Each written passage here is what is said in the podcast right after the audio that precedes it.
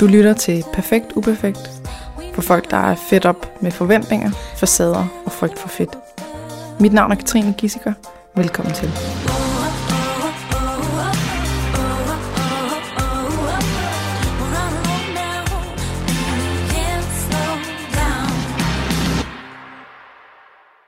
Så skal vi i gang igen.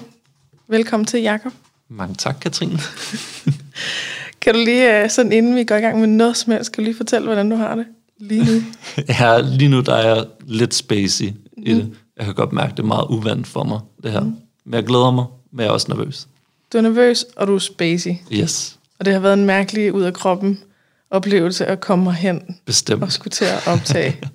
Det har det. og det er lidt med coronatiden. Ja, det er ikke super nemt. Det er ikke nemt. Meget indenfor, ikke så meget udenfor. Og, og ikke ser rigtig nogen mennesker. Og Nej. du har også ude at rejse inden og Ja, alt sådan noget. så det, det hele er lige lidt sjovt. Mm. Ikke på den fede måde sjovt. Ikke på en fed måde. Nej, men forhåbentlig så, når vi kommer lidt i gang, så øh, bliver det lidt nemmere. Og du har tør mund, sagde du også. ja, Så øh, der er i hvert fald vand til dig, så du drikker bare, mange tak. når du har brug for det. Og, øh, og du kan også komme til at mumle lidt. Ja, Øh, du sagde noget med din mund kan føles som en svamp. Ja, men jeg er vildt nervøs, så min mund, den er bare så tør, og det gør det bare lidt svært at snakke. Ja, jeg føler det lidt sådan... ja. Okay, men hvis der er et eller andet, som øh, man ikke rigtig kan høre, så spørger jeg dig bare lige, eller gentager det. Tak. Yes, alright. Så start med og det allernemmeste. Fortæl lidt sådan rent praktisk om dig selv, så vi Ja. lige kan placere dig. Jeg hedder Jakob. Mm. Jeg er 29 år. Jeg har boet næsten hele mit liv i København, og så læser jeg ernæring og sundhed. Mm. Øhm, Udover det, så spiller jeg rigtig mange computerspil, mm-hmm. og har brugt virkelig meget af min tid på det. Så det er meget basic, mm. meget mig. 29 år fra København, ernæring og sundhed, Ja, øh, og computerspil. ja Ja, det, fedt. Så, det, så har vi det på plads i hvert fald. Og øh, de ting, vi skal snakke om i dag, det er jo nogle øh, hæftige sager. ja, det er det. skal man måske allerede sige nu, hvis man ikke lige er til det, når man lytter med.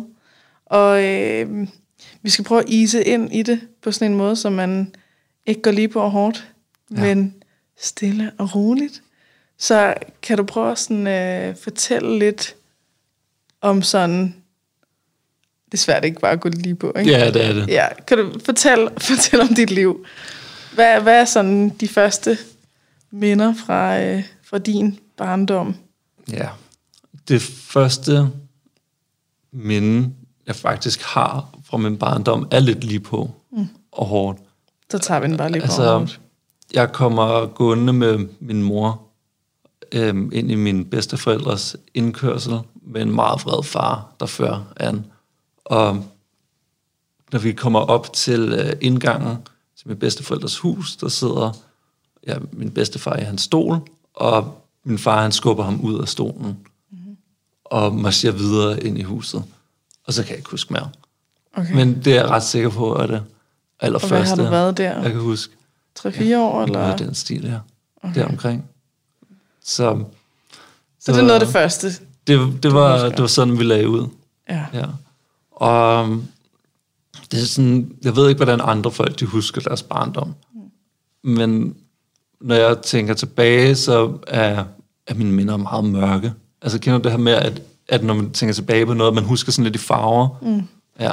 Jeg husker Man det kan ikke bare. høre, huske så mange specifikke ting, Nej. og der er ikke rigtig en tidslinje, der er, nå, så gør vi sådan, og så gør vi Ja. sådan. Og jeg det er husker- bare sådan lidt bedre. Ja, jeg husker det som lidt som sådan vintergrå. Ja. Det er sådan den farve.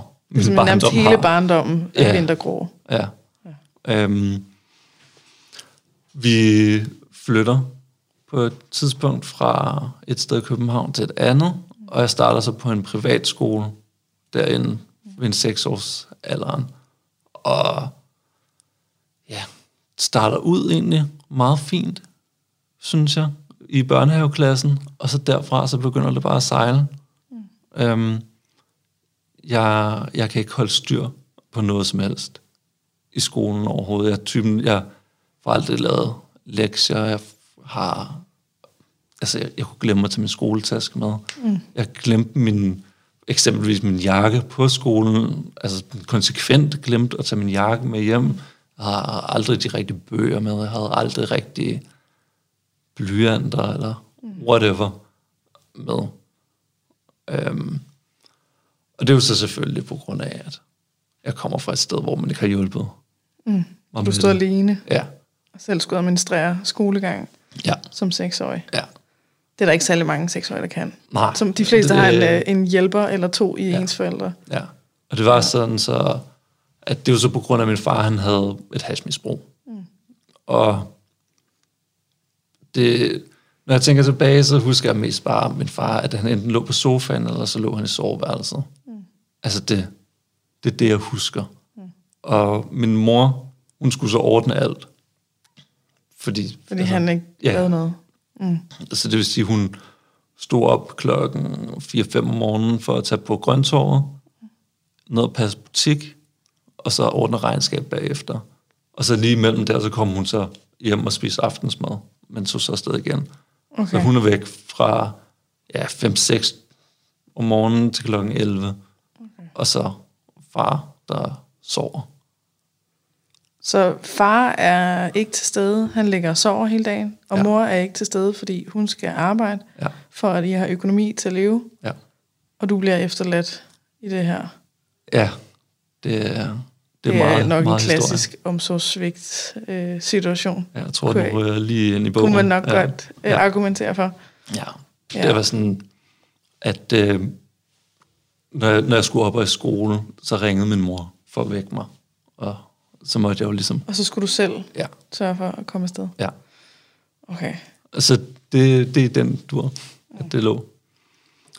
Og det har jo selvfølgelig præget min skolegang sygt meget. Og det er ikke her- så mærkeligt. Det, det, er svært, når man, det er svært at gå i skole, når man er allerede bagud fra, fra Fra første klasse af, nærmest. Ikke? Altså børnehaveklassen var fint nok, fordi der var legetimer, og man chillede rigtig meget. Mm. Men derfra af, Så skal man svært. præstere. Og, Ja. ja. ja. Øhm,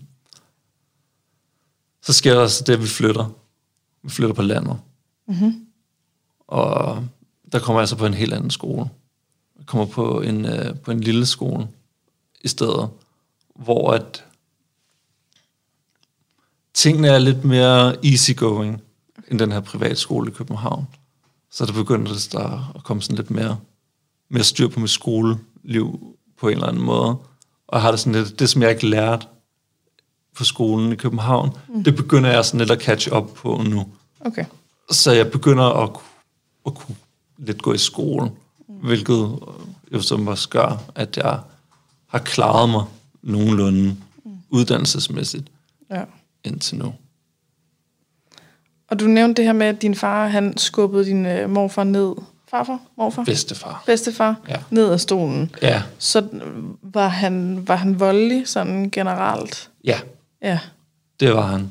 Over for dig, eller over for din mor, eller... Min far Foran har eller? aldrig altså sådan lagt hånd på mig. Okay. Men jeg kommer fra et hjem med, altså, sådan, med straf. Mm. Rigtig meget straf. Straf Og- af dig? Ja, ja.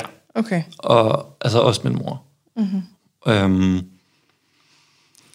med mig, der var det rigtig meget, altså den helt klassiske med at blive sendt på værelset, hvis man ikke har gjort noget. Mm-hmm. Men det, der så var, da jeg var barn, det var, at jeg forstod ikke rigtig, hvad jeg havde gjort, fordi ofte, også når jeg tænker tilbage på det, så havde jeg faktisk ikke gjort noget. Nej.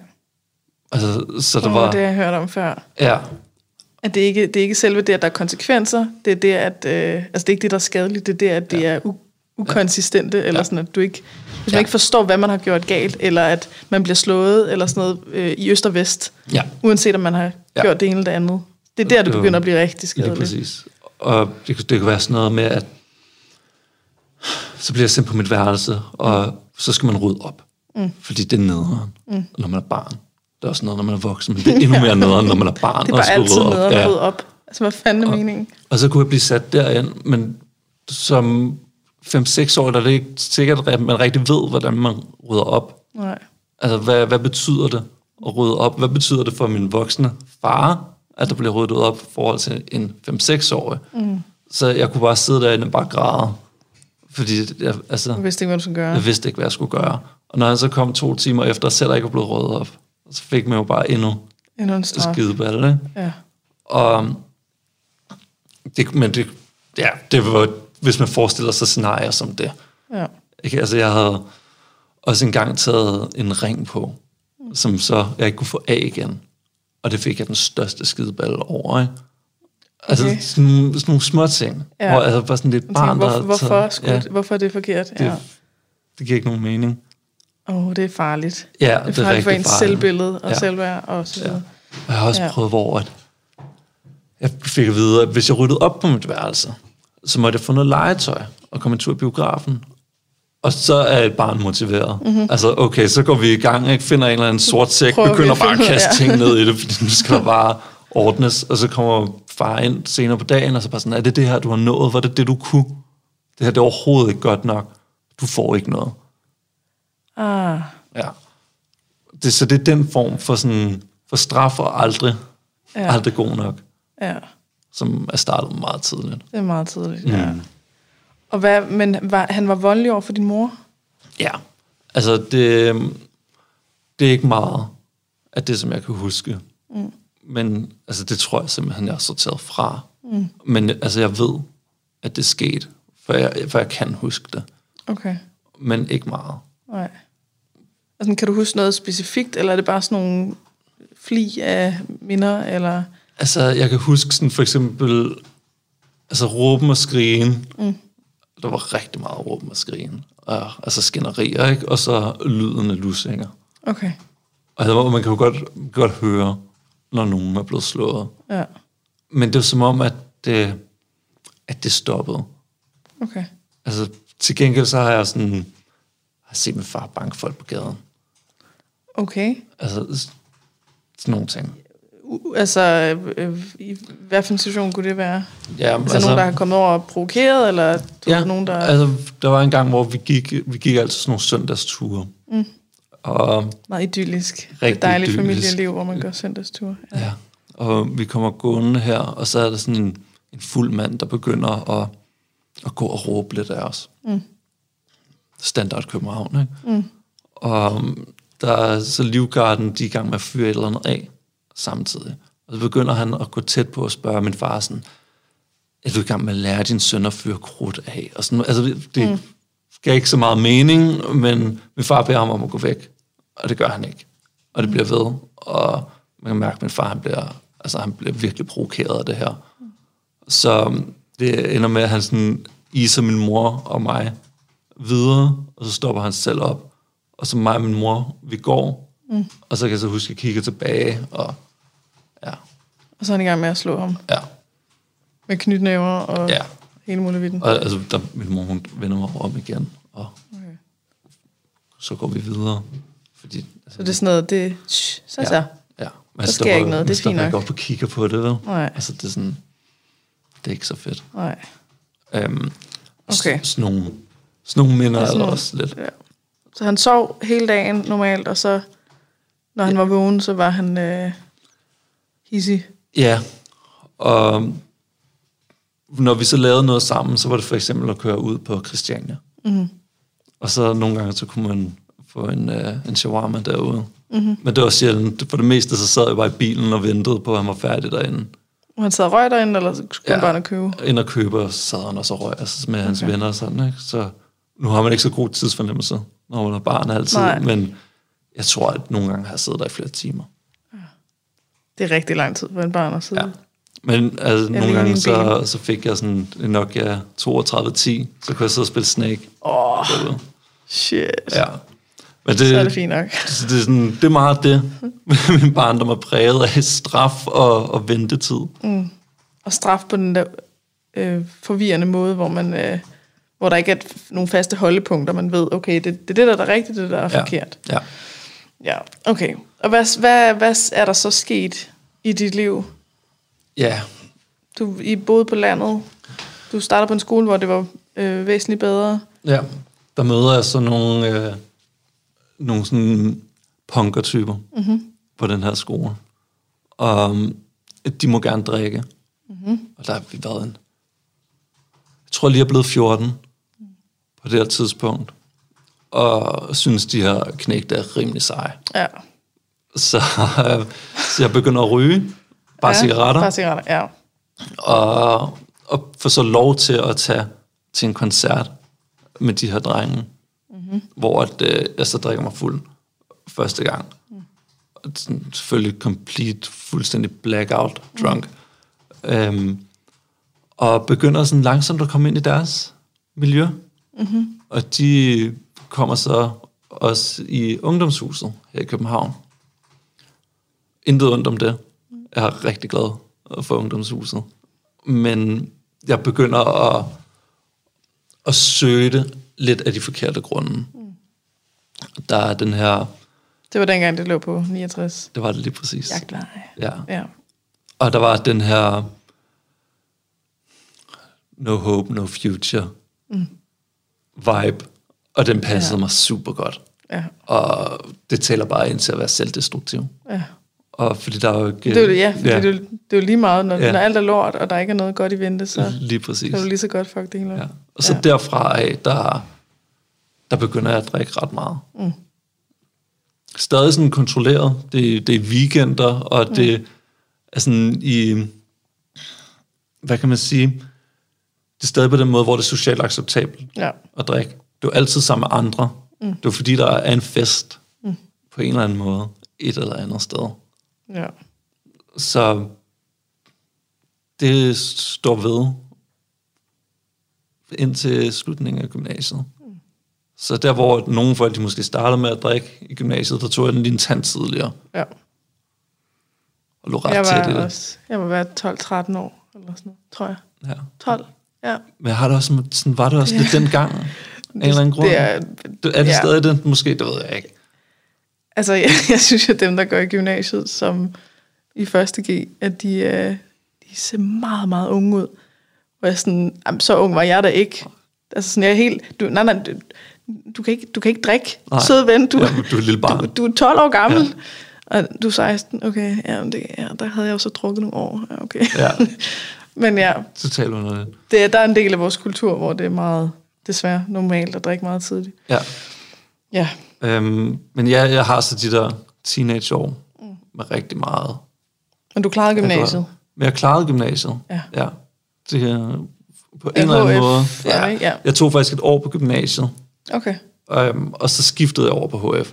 Fordi okay. jeg havde trods alt selv, selvindsigt nok til at se, at altså, gymnasiet, det kommer ikke til at ske. Nej. Altså, det var afleveringer, og Ja. man skulle møde op, og Ja. alle de her ting. Det fungerede ikke Nej. overhovedet. Man skal tænke på, mange af de, hvad kan man sige, vaner, som er opstået, da jeg var barn, Mm. de har jo fulgt mig i skolen her, så jeg, jeg kunne jo ikke selv stå op, Nej. når jeg, når jeg skulle op og i skole. Mm. Jeg kom altid for sent. Og så det her med gymnasiet, hvor man, der er man jo selv ansvarlig over for det. Altså, Det, det er meget tidligt, man selv er ansvarlig. Ja. Det er ikke så mærkeligt, at der er mange, der ikke klarer det. Og når man, når, når man ikke er blevet bygget op til det, mm. og samtidig, Ja. så er det virkelig svært. I en alder af de her, hvad var det, 15 år? 15-16 år, når man starter på Ja, gymnasiet? 16, 17, 18 er det nok de der Ja, tre jeg år, tror, man jeg plejer. på gymnasiet, der var 18. Ja. Ja, så either way, mm. det er rigtig meget at kræve af et ungt menneske. Mm-hmm. Og samtidig et ungt menneske, som også har det svært. ja. Det er bare en uh, lortekombo. Det er en rigtig dårlig cocktail, ja. Ja. Men du klarede HF. Jeg klarede HF. Og hvad Ja. skete der så? Ja, så skete der det, at øh, så skulle jeg ikke bo på landet. Nej. mere. Nej. Og så jeg basically så pakkede jeg mine ting, og så flyttede jeg ind til min mormor Okay. i København. Som boede i København? Ja, okay. Så kan man Ja. diskutere, hvor meget København det er. Ja. men, Kommer an på, hvor du er fra, Ja. man spørger. Ja. men ja, jeg flyttede ind til hende på et... Ja, sådan, har du set Harry Potter? Mm. Kan du huske, hvordan han bor? Hjemme hos hans Ja, det er sådan øh, det der tante og kosteskab onkel. nede under- Lige præcis. Ja. Trappen, ja. lidt eller sådan et værelse, mm. flyttede jeg ind på. Der var kun lige plads til, til den samme seng, som jeg sov i, da jeg var barn og Okay. besøgte hende. Ikke? Du er blevet en lille smule større. Jeg var blevet en Ja, lille smule ja. større. Ikke? Nærmere sådan, med det gode vilje nærmer vi os de to meter, ikke? Ja. og ligger i den der lille børneseng der. Men ja, det var så der, okay. jeg, jeg flyttede ind. Ja. Og var bare glad. Nu var jeg i København. Mm. Det var mega fedt. Og var, Nu kan du feste. nu kunne jeg feste, jeg var væk fra mine, altså jeg var væk fra mine forældre, jeg var væk fra mm. ansvaret, følte jeg. Ja. Og derfra af, der begynder jeg altså at kunne mærke, at der er noget galt. Mm. Altså jeg, ved, jeg har jo hele tiden været bevidst om, at jeg har haft en øh, svær start mm. på livet. Mm. Men det går op for mig, at altså det føles som om, der er noget galt inde i hovedet på mig. Mm-hmm. Det, altså det er sådan, jeg kunne mærke, at jeg var for meget inde i mit eget hoved. Jeg levede ikke i min krop. Mm. Jeg levede ikke ude i verden. Jeg levede inde i mit hoved. Det var sådan en lille mand, der bare gik rundt herop. Mm. Og det føltes som om, mine tanker ikke var mine egne. Mm. Altså, så meget var jeg i mit hoved. Mm. Men jeg bider alligevel ikke sådan mere i det, Nej. end at har de her refleksioner over, at, at det måske ikke sådan, at det er meningen, man skal have det. Men skød det væk igen. Ja, Ja. og jeg søger faktisk læge omkring det på et tidspunkt. Mm. For jeg er sådan lidt... Altså, jeg, jeg tænkte bare sådan... Altså, jeg, jeg tog faktisk det op, fordi jeg havde ondt i brystet. Okay. Og min læge, hun er sådan lidt... Altså, jeg kan godt øh, sende dig videre til sådan hjerteundersøgelser eller whatsoever. Mm. Men vil du ikke lige fortælle mig, hvordan du har det? Åh, oh, skarp læge. Ja. Og um, vi får så åbnet op, og får snakket om det, og hun siger sådan, hun fortæller mig, at altså, det er ikke meningen, at man skal have det sådan her. Nej, Det, der er et eller der er andet. galt. Ja. Mm. Og um, sådan derfra af, der har hun, hun har ligesom plantet et frø Ja. mine tanker, men der bliver får ikke gjort noget ved det. Nej. det Du er nok ikke klar. Nej, overhovedet ikke.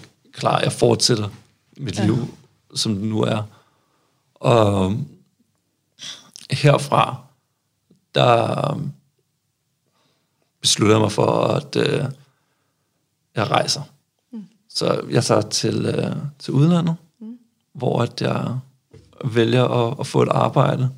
Det er jo også det er jo noget af en flugt, ikke? Mm.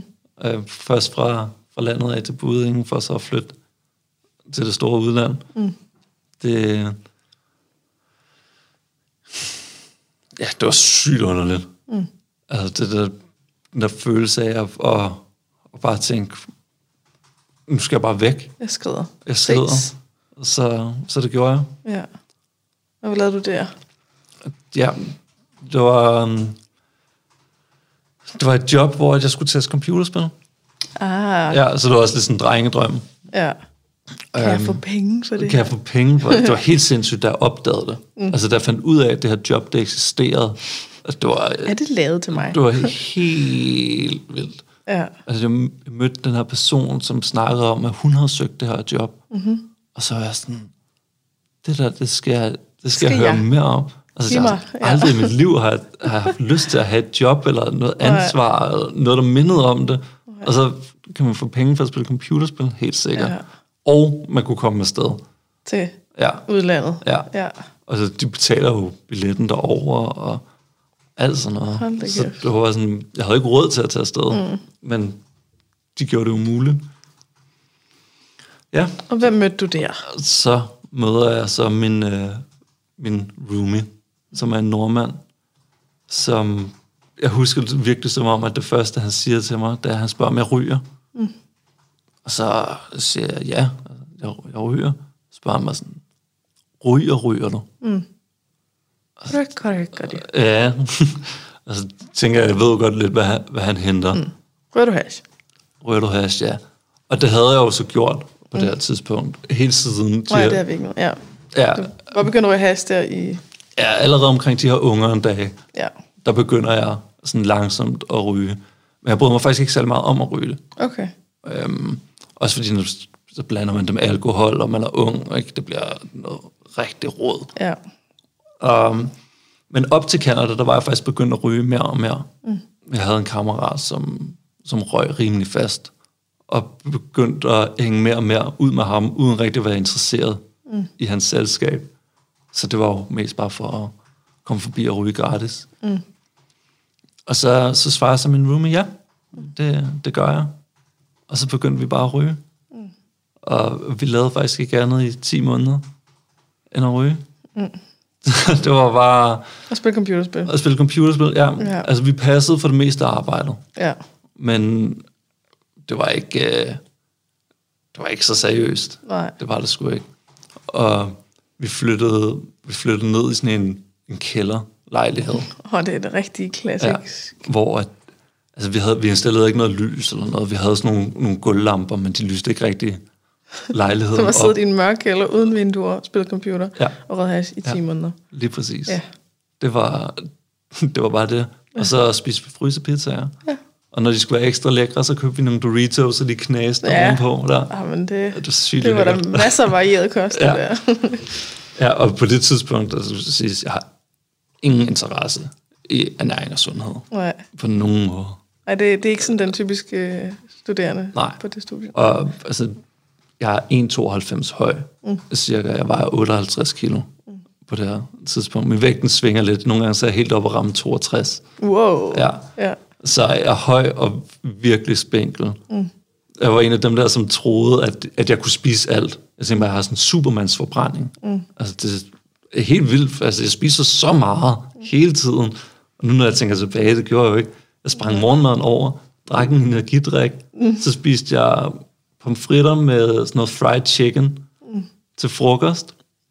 Røg selvfølgelig smøger, mm. rigtig mange smøger, og, og joints. Og så spiste en frysepizza mm. til aftensmad. Ja. Det var det. Så nu når jeg tænker tilbage på det, kan jeg godt se den der, den der kampvægt der. Det var måske ikke på grund af mit uh, Superman-stofskifte. Det var måske mere, fordi jeg ikke spiste en skid. ja. Ja. Og hvad så efter Canada? ja. Hvad gjorde du så? Efter Canada, der, det skal så siges, at i Canada, der stiger mit forbrug af, af hash. Mm. Altså fuldstændig. Det, til sidst, jeg føler ikke, vi laver andet, mm. end bare sidde derhjemme og ryge og ryge og ryge. Og det går lige i hovedet på mig. Mm. Altså det der kombination af at bare sidde i den her mørke lejlighed og ryge, Og ikke se andre end ham. Ja, den, øh, altså vi, vi så ikke... Der var perioder, hvor, at, hvor vi så folk, men mm. det var jo altid den samme gruppe. Ja. Og for det meste, når man så folk, så var det fordi, vi skulle drikke. Ja. Så ja, det var, ja. Det, på den måde var det måske Var ikke ikke så... det sundeste så det sundeste selskab, nej. selskab, nej. Og jeg, det begynder at gå i hovedet på mig. Ja. Jeg begynder langsomt at, at, at føle mig sådan lidt sindssyg ja. mens jeg er der. Og det resulterer i, at øh, jeg, jeg en aften i Canada begynder at have det som om, at, øh, at jeg kun kan se, se rødt. Altså sådan bogstaveligt talt, det føles som om, der var et rødt filter ned over mine øjne. Det var der ikke. Nej. Men sådan, i mine tanker var det der. Og det synes jeg var sygt nøjeren. Mm. Og der var det ligesom en tanke, at jeg blev nødt til at stoppe det her. Mm. Jeg, altså, jeg kan ikke, øh, jeg blev alt for bange for at blive sindssyg. Jeg kunne ikke være i det her med, jeg kunne ikke blive ved med at ryge. Mm. Sådan her. Så jeg besluttede mig faktisk for at tage hjem fra Canada der. Og jeg føler, det, det er den eneste måde, jeg kan stoppe med at ryge på, mm. det er altså ved at, Kom væk. ved at flygte. Ja. Derfra også. Ja. Flygt tilbage. Ja. ja. Hvilket jeg så gør. Og Og så er vi i dine start 20'ere. vi er min Og- start, og- ja. jeg bliver 21, mens jeg, mens jeg er derovre. Mm-hmm. Og da jeg kommer hjem, der besluttede jeg mig for at stoppe med at ryge. Og det lykkes. Altså jeg siden jeg kom, ja, Ja. præcis. Jeg har røget to-tre gange, mm. siden jeg kom hjem derfra. Det synes jeg ikke er, er så meget fra mm. hver dag. Nej. I hvert fald. Og, um, men fortsætter med at drikke. Og jeg kan mærke, at det, det tager på mig. Altså, det er ikke, øh, det er ikke godt. Det er ikke godt. Det er ikke godt for mig overhovedet. Og jeg kommer et, et mørkere mørkere sted hen. Mm. Og begynder sådan at overveje, sådan, tænker alle mennesker over at slå dem selv ihjel? Mm. Altså er det, sådan, er det en normal tanke at gå rundt med mm. hver dag? Og endnu en gang, så begynder jeg sådan at slå det lidt hen. Altså, fordi For det er jo heller ikke rigtig en alarmklokke. vel? Nej, det er og- ikke sådan... Øh, Nej, ikke rigtigt, vel? Og så slemt har jeg slap heller ikke det haft jo ikke, fordi jeg Jeg tænker bare på at slå mig selv ihjel. Det er jo ikke fordi, at det er, det Jeg gør det alvorligt, jo vel? jeg gør det bare. Eller jeg tænker bare, ja. det er sådan, jeg bliver ved med at, at sådan måle og veje mig i forhold til andre. Mm. Altså bare sådan, jeg skal også bare tage mig sammen. Oh, ja. Altså, ja, jeg har haft det nederen, men alle folk oplever nederen ting. Mm. Altså, det er sådan, alle folk Quit kan whining. nævne sådan en eller anden form for omsorgssvigt, yeah. tænker jeg, eller hvor de i hvert fald selv har følt det mm. som et omsorgssvigt. Der er så mange, der har det værre end mig. Mm. Altså, der er unge narkomaner, og sådan quit whining. ja. Og det gør jeg så. så, ja. så lukker jeg mig bare ind i mig selv, og arbejder ikke rigtig videre mm. med det. Og du, hvad du flyttet hjemmefra der? Eller, altså, Der bor jeg du hos en veninde. Hos en veninde? Ja. Ja.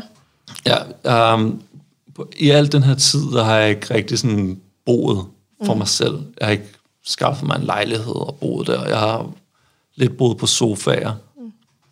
Og det holder sig heller ikke med at bo hos den her veninde, når jeg kommer tilbage til min mormor i Budingen mm. igen. Men har lige et sofastop inden der, mm. hvor jeg bor hos min venindes lillebror, Okay. i stedet på hans sofa. Ja. Øhm, så har jeg ikke rigtig nogen fast base.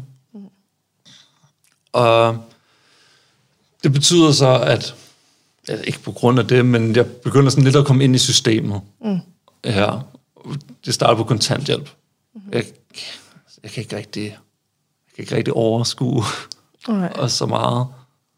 Og, og gennem, faktisk, det er faktisk det eneste gode, jeg har nogensinde at sige om det her kontanthjælpssystem, udover at det selvfølgelig er et sikkerhedsnetværk for nogen, men det er ikke super fedt at være en del af. Mm. Det var, at de faktisk langsomt begyndte at skubbe mig lidt over imod psykiatrien Ja. her. Og ikke, at de fik mig derhen, mm. men endnu en gang, så jeg har nogle samtaler med en, med en okay sagsbehandler, som igen planter lidt nogle... Nogle nye frø. Ja, Ja. ja. lige præcis. Og, og de bliver der lidt i den her mm. kontanthjælpsperiode, hvor der ikke sker en skid. Mm. Altså, jeg laver absolut Du spiller ingenting. computer. Jeg spiller computer. Ja. Så begyndt at træne lidt okay. på det her tidspunkt også. Og der begynder det også at gå op for mig, at, at jeg har det måske ikke sådan super godt. Jeg kunne slet ikke det her med at være i et træningscenter, være i nærheden af mennesker, og mm. på den måde, altså jeg, øh, i dag, der ved jeg jo så, at jeg var angst og ængstelig mm. omkring det, men dengang, der var, følte jeg mig bare utilpas. Ja.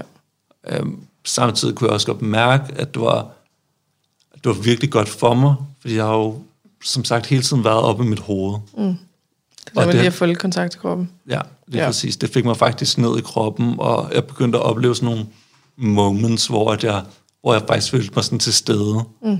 Og der var faktisk et ret fedt netværk også dernede af andre folk på kontanthjælp, som også trænede. Okay. Det var sådan et øh, projekt, ah. jeg blev kastet ind i. Ja. Smart.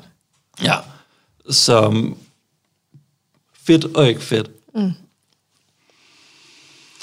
Ja, Og så kommer vi til de her to-tre år, ja. som er rigtig svære. Så nu sker der det, at jeg er, på, jeg er nede at træne for mig selv.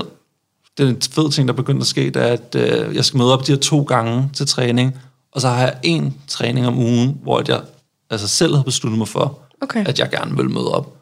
Og jeg er så nede at træne, og jeg begynder at få det sygt underligt. Mm. Altså, jeg har det så dårligt. Og øh, den her sådan ude af kroppen fornemmelse, den tager virkelig over. Og så tænker jeg, jeg skal ikke være her mere. Altså, jeg går. Jeg, jeg, jeg kan ikke være i mig selv. Jeg kan ikke være her. Jeg bliver nødt til at bare gå.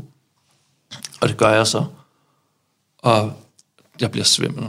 Mit hjerte, det smadrer der ud af. Jeg har det som om, at... Altså, jeg har det som om, jeg skal dø. Mm. Og så begynder jeg at løbe. Jeg begynder bare... Altså, jeg er i Rødovre på det her tidspunkt. Og jeg begynder bare at løbe. Jeg, jeg kender ingen steder i Rødovre overhovedet. Og begynder lige pludselig, når jeg kommer ud til en vej, og blive bange for, at jeg løber ud foran bilerne. Mm. Alle de her tanker begynder at dukke op, og man nu er, nu er jeg altså bange for at slå mig selv ihjel. Mm. Hvad fanden er det her for noget? Altså sådan, før da jeg har jo godt tænkt, Nu kommer det meget tæt på. nu er, det, ja. nu er det meget tæt på. Og det ender med, at jeg løber ind til, jeg er på en eller anden fodboldbane, eller et eller andet sted, der er noget græs. Mm. Og jeg lægger mig ned der, og hiver efter vejret. Jeg ringer til min mor på det her tidspunkt, og hun bare sådan, så det lyder som om, at du, at du har fået et angstanfald. Sådan, altså, hvad er et angstanfald? Mm. Altså, sådan, ved godt, hvad angst... Altså, sådan en perifer idé om, hvad angst Ja. er. Det er sådan, det er et ord, Ja, hvis som... man ikke har prøvet det selv, så aner man ikke, hvordan det Nej, føles. men man kender godt ordet. Ja, Man godt, sådan... Men ja det, angst, lyder, det, det, det, sådan lyder som noget- nogen, der er bange, og det er da ikke så rart. Nej, Men, øh, og, og vi havde en det dreng ikke. på min gamle skole, som han stoppede, fordi han fik angst. Det var Okay. det, jeg kendte til det. ja, Ikke? Han var, jeg vidste, han var bange for alt. ja, Det var min forståelse af angst. Men udover det, så forstod jeg det overhovedet ikke. okay. Det ender så med, at øh, jeg ringer til Frederiksberg mm. Hospital. Jeg ringer ikke bare til Frederiksberg. øhm, Hallo, er det Frederiksberg? ja, præcis. Hallo. Jeg har angst. og, og kommer så igennem til deres øh, psykiatriske akutafdeling, og som håndterer mig lidt uheldigt. Altså, jeg tror sgu, de har set for mange angstanfald Ja, derude. de er bare sådan, ja, der er endnu en. ja. Ja. Men de siger så dog alligevel, at altså, jeg kan godt komme forbi mm. derude. Og så jeg får samlet mig selv, kommer afsted mod Frederiksberg Hospital, og da jeg kommer derud, så har jeg stadig den, den her ubehagelige fornemmelse i kroppen. Men jeg har jo ikke et angstanfald længere, mm. så jeg, jeg er jo faktisk okay, men bare utilpas. Mm. Og kommer ind til en samtale med dem, og de er meget hurtige. Altså, man kan godt mærke, at de har, de har andre ting mm. at tage sig til. Og bliver sendt hjem med en kommentar om, at øh, jeg har nok haft et angstanfald, og jeg skal kontakte min egen læge, hvis det sker igen. Og så giver de mig så to piller, mm. hvor jeg får at vide, at øh, det er noget, der hedder Truxal. Og hvis det sker igen, så kan jeg bare tage dem. Mm. Så siger de, de stopper ikke tankerne, men du får lyst til at bare blive liggende i din seng. Okay. Hvilket jeg også, nu tænker jeg tilbage på, fedt med Det er, man kan godt kalde det symptombehandling, kan man Ja, det, det, det kan man godt. Ja. Og derfra, der går det jo så op for mig, at der er noget galt. Mm. Tingene er virkelig ikke, som de skal være. Og jeg får et par rigtig slemme panikanfald efterfølgende der. Mm. Tager så ikke de truxalpiller, fordi at jeg er jo så sygt bange for at tage dem. Okay, hvad var du bange for, der skete? Jeg var bange for, at, øh, at jeg ville blive sindssyg mm-hmm. af at tage de her piller. Og udover det, så tænkte jeg også, altså, det er sådan, skal jeg ligge sådan helt lammet mm. i min seng, altså bare have de her tanker, det synes jeg da også bare lyder som, altså som et mareridt. Ja. Og følte jeg mig, at jeg ville ligge sådan spændt fast i min seng med alle de her tanker, som jeg ikke kunne gøre noget ved. Mm. Ja, det var noget lort Ja. kontakter som en læge. Hun henviser mig så til Frederiksberg Hospital igen. Og der kommer jeg så til en visitationssamtale ude på, på, ja, på hospitalet. Mm. Er det jo.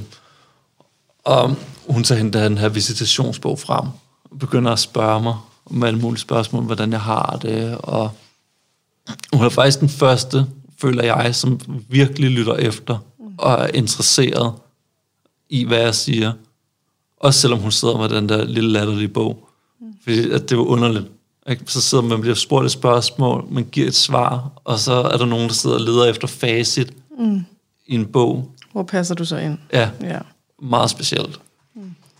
Og i slutningen af samtalen, der siger hun så, at, øh, at det hun tænker kunne hjælpe mig, og det som hun ser som problemstillingen lige nu, det er, at, øh, at jeg har det, som de meget fancy kalder en øh, emotionel ustabil personlighedsstruktur af typen borderline. Også en meget lang omgang. Ja, og man sidder derinde, og man har det så spacey. Man har det underligt. Man har angst, fordi man er på det der hospital, og hun sidder der med hendes bog, og så kan man være så god en psykolog og være så flink, som man nu er, men det er bare en virkelig underlig oplevelse. Mm. Og så får man den der serveret. Så, og det er sådan lidt, forestil dig, at øh, man er på, på en håndboldbane, og så er der en, der kaster bolden til dig. Du griber den, men mm. du bare sådan, Så ved du ikke, hvad du skal gøre. hvad fanden skal jeg gøre Ja. med den her? Mm. Og føler lidt som om, jeg bare sidder. For sådan, hvad, altså, jeg har hørt om borderline. Mm. Altså, det er sådan, Men det er jo dem, som er helt fucked. Mm. Altså, Det er der mange, der tror. det er dem, der er helt ude af skide. Jeg har jo optaget en, en episode før om borderline. Ja, Det er meget... Øh, den er, det lyder som sådan noget helt... At det er kun de, dem, der har det rigtig, rigtig svært. Dem, der er det er helt en enormt stigmatiseret Ja, diagnose. det er så vigtigt, at vi taler mere om det. Ja, Ja. det er virkelig... Og meget udbredt. Altså, den er meget udbredt. Ja, Blandt helt almindelige mennesker. Ja. Ikke? Altså, ja. Nå, ja, øhm, ja hvad gjorde du så med den håndboldbold? Jamen, så, så tænker jeg jo, allerførst, så tænker jeg, jeg er ikke borderline. Mm.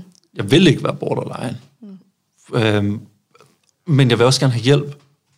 Og så, altså, hvad skal jeg gøre? Så tænker jeg, altså, Pest eller kolera? pest eller kolera. Ja. Så tænker jeg, jeg har brug for hjælp. Mm. Og det, det, det er den hjælp, jeg bliver tilbudt nu. Altså, jeg blev tilbudt et uh, gruppeterapisforløb på Frederiksberg Hospital. Mm. Jeg tænker, jeg må, jeg må tage det. Mm. Og har den her samtale lidt med mig selv, om at, okay, der er den her kasse, som systemet bruger. Mm. Den kasse, som de har valgt at putte mig i, den hedder borderline. Behøver jeg at se mig selv som værende borderline? Behøver mm. der at være min identitet? Ja. Eller kan jeg bare bruge den her kasse til at få hjælp?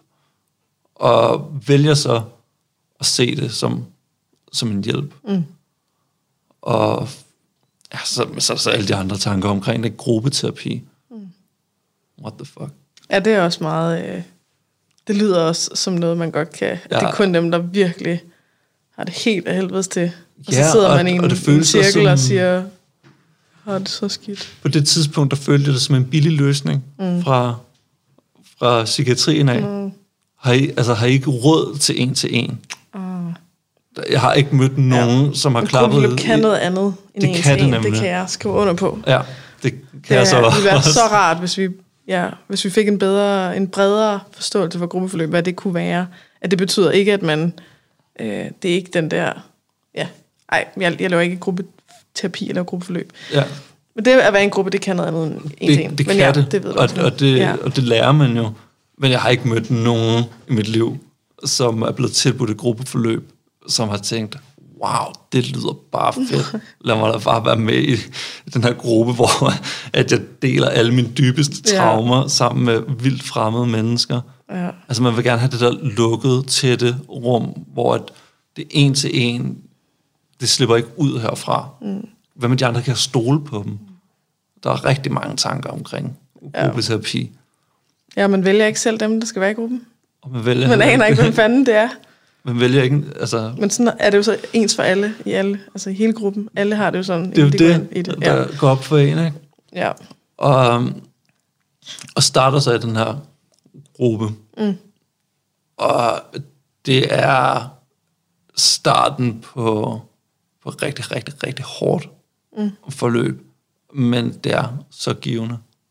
Altså, de, de er så dygtige på Frederiksberg Hospital. Mm.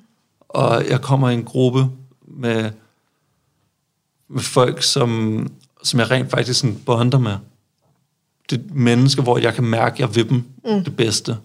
Så gruppen bliver vigtig mm. for mig. Og, og det, er jo, det er jo så også noget af det, som en gruppe kan. Udover den her spejling, mm. der sker, man kan simpelthen ikke alene. ja, vi er alle sammen i samme båd. Ja, og det er sådan enormt helende at se andre folk hele. Ja. Altså, det gør noget. ja, det er terapeutisk i sig selv. Ja. ja. og går i det her forløb to gange om ugen i, jeg har det som om det næsten er et år. Altså mm. det er sådan syv, otte måneder. Mm. Og får det bedre, mens jeg er i, i det her forløb. Jeg har så det, som vi så senere finder ud af, er en rigtig slem omgang OCD. Mm-hmm. Det er ikke diagnostiseret på det her tidspunkt. Øhm, men jeg begynder langsomt at have nogle samtaler med, med en af, af terapeuterne derude. Og hun begynder at være, sådan, være lidt nysgerrig på det. Altså det her, det siger jo også meget om, om hvor, hvor dygtigt jeg er derude, synes mm. jeg. Hun trækker mig til siden og begynder at undersøge yderligere, Ja. hvad der nu kunne være. Og vi begynder at bevæge os langsomt ind på sådan en mere generaliseret angstdiagnose, hvor at OCD jo det så hører, Indenunder. hører indenunder. Ja. Og her, det er sådan en paraply, den der generaliserede angst, der Ja. ja. ligger alle mulige fancy ting Ja. under den. Og så en dag i, i gruppeforløbet, der jeg begynder at... Altså, jeg kan ikke koncentrere mig mm. om det. Jeg begynder ligesom den følelse, som jeg havde ved det allerførste angstanfald, den begynder sådan slemt at komme tilbage. Mm. Så kan jeg sige, på det her tidspunkt, der jeg lever jo med, med angstanfald hver dag. Okay. Det er ikke, øh, det, det er ikke sådan uvandt. Mm. Men det her, det er slemt. Okay. Det, det, det, det er virkelig, virkelig slemt. Og begynder så at, at sætte, sig, sætte mig på mine hænder. Mm. Og det gør jeg jo så på grund af, at øh, jeg er sygt bange for at spise mine hænder. Mm. Og de begynder at, at stoppe den her, ja, den her, hvad hedder det, session, mm. fordi de kan se, at jeg har det, jeg har det underligt. Der begynder at ske et eller andet, så de, de trækker mig til siden, og jeg kan, jeg kan ikke være i mig selv overhovedet. Det er den der følelse, jeg begynder bare at gå rundt mm. om mig selv. Kommer ind på et kontor, sådan, altså, hvad, hvad sker der? Jeg siger til hende, det er jo heldigvis en, jeg stoler virkelig meget ja, på, ja. og jeg vil jo gerne have det bedre, så jeg fortæller hende, hvad der sker. Jeg siger til hende, altså, jeg er bange for, at jeg kommer til at Jeg spise spiser mine hænder. mine hænder, og jeg kan ikke stoppe det, det kører rundt, jeg kan ikke få vejret, jeg har det som om, at, altså, jeg har det som om, jeg skal dø mm. lige nu. Og så ringer hun så efter, jeg ved faktisk ikke, hvem hun ringer efter, Nej. men jeg ved, at, øh, at jeg bliver ført over på, på det lukkede afsnit mm. på Frederiksberg Hospital. Fordi at... Øh, De er jo bange for, at du var til skade for dig selv, eller er det sådan noget? Ja, altså de, de har det sådan lidt... De kan ikke bare sende mig hjem Nej. herfra. Nej. Så de bliver nødt til lige at, lige, lige at holde øje med mig. Mm. Og, og det i sig selv er en helt vildt syret oplevelse. Det vil sige, på det her tidspunkt, der, der har en rigtig dårlig kæreste. Mm. Altså, det er et forfærdeligt forhold. Og skriver til hende, prøver ligesom at, at forklare den her situation. Jeg var terapi i dag, jeg fik det sygt dårligt, jeg er på, på den lukkede nu, jeg ved ikke, hvad der skal ske. Og så skriver hun så til mig, at øh, altså, hvad fanden jeg laver der, hvorfor tager jeg ikke bare hjem? Mm. Altså, må jeg ikke bare kunne tage mig sammen? Øhm, og det var bare, kæft, det var ikke en oplevelse, Nej. man havde, Nej. man havde brug for. Altså, og, altså ja. Men det, det at være øh, manden, der siger, jeg har det svært. Ja. Altså, det er forvejen. Det er så fucking svært. Ja. Fordi vi bare ikke har gjort det særlig nemt for mænd at øh, bede om hjælp. Nej, Og så når man prøver at være sårbar, og man så bliver mødt af, kan får du svag, altså, ja. Tager du sammen, ja, så øh, har man ikke lyst til at gøre det igen. nej. Nej. Og, det resulterede faktisk også i, at jeg, de vurderer så, at jeg ikke er til skade for mig selv mm-hmm. eller andre. Det er jo fedt. Mm. Yay! og, og jeg køler, køler lidt ned, mens jeg er der. Altså, jeg får det bedre. Mm. Og de spørger mig så sådan, altså, du må gerne til hjem nu, hvis det er. Men vi kan godt forstå, hvis du også har brug for at blive. Fordi Okay. Det er ikke, øh, Dejligt. Det er ikke fedt, så har du det rent faktisk valgmuligheden. ja, Ja. Ja, det kan man så diskutere, hvor meget valgmuligheden jeg så egentlig havde i forhold Nå. til, at jeg har også den her kæreste, som jo bare vil have, jeg skal hjem, for jeg skal jo ikke være der. ja, okay. Men de, de gav dig De gav valget. mig valgmuligheden, ja. men jeg følte ikke selv, at jeg havde et valg der. Og jeg ender så med at tage hjem derfra. Så det ender med, at jeg er der kun en nat. Mm. Og tager hjem helt alene mm. til min mørke lejlighed i Valby. Og jeg kan faktisk ikke rigtig, jeg kan ikke rigtig huske den tid her rundt omkring. Um, og jeg begynder at isolere mig rigtig meget. Um, og jeg husker det, som sagt, det her med tid, ikke? det er svært at sige, men den her tid, den er bare mørk. Mm. Jeg husker, som om jeg bare ligger i min mørke lejlighed. Jeg ved ikke, hvor lang tid. Det kan være, altså, det kan være, at jeg lå der i tre dage. Det kan være, at jeg lå der en uge. Det kan være, at jeg lå der en måned. Jeg aner det ikke. Nej. Jeg var bare i lejligheden. glædet ud af tid og sted. Fuldstændig. Mm. Og jeg havde det så svært oven på den her oplevelse. Hvor kommer det fra, det her med at spise sine hænder? Jeg hørte en historie mm. som ung, om en, der, Om en, der spiser sine om en, der var psykisk syg og spiste sine hænder. Okay. Og altså, jeg har måske været en 15-16 år. Og så den tanke, den har altid sådan siddet i min hoved. Men lige pludselig, så blev den bare virkelig. Mm. Og det er jo så min, altså, det endte jo med at blive sådan min allerstørste frygt. Og da mit forløb slutter på Frederiksberg Hospital, der går jeg direkte over i et OCD-forløb. Mm. Fordi det er faktisk det, der er det PT der, er det det mest hæmmende Ja.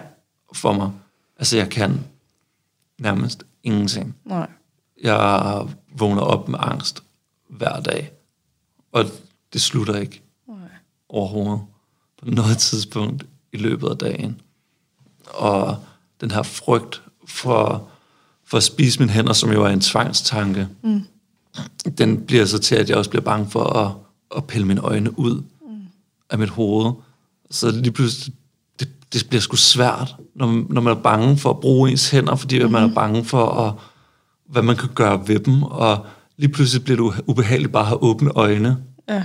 på grund af, at det minder en om, hvad, der kunne, hvad, man Hvad kunne der finde kunne på. Ja. Og det, Og var det også en historie, du havde hørt fra nogen, nogen der havde grædt sine øjne øjnene, ud? det kom bare... Det kom af sig selv. Okay. Selv, ligesom mange andre. Jeg har jo ikke lidt af, af tvangshandlinger. Mm. Jeg har kun lidt af tvangstanker. Mm.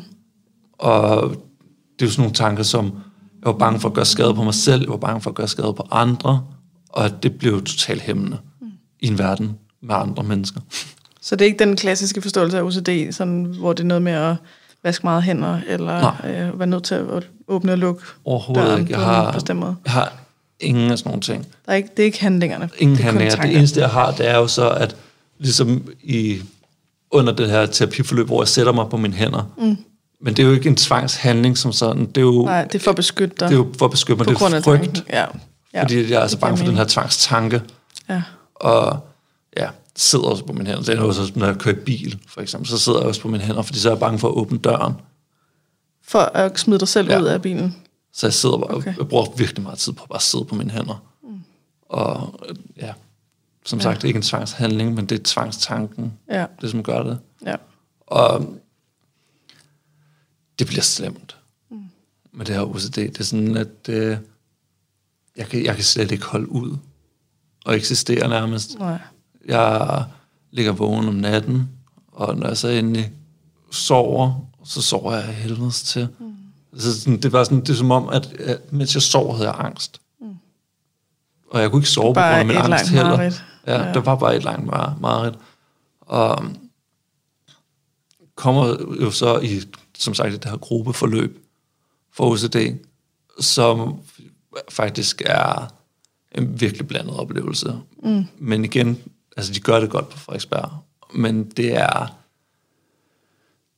OCD er svært i forhold til, at øh, det, man arbejder meget med eksponering. Mm. Gradvis eksponering. Ja. Ja.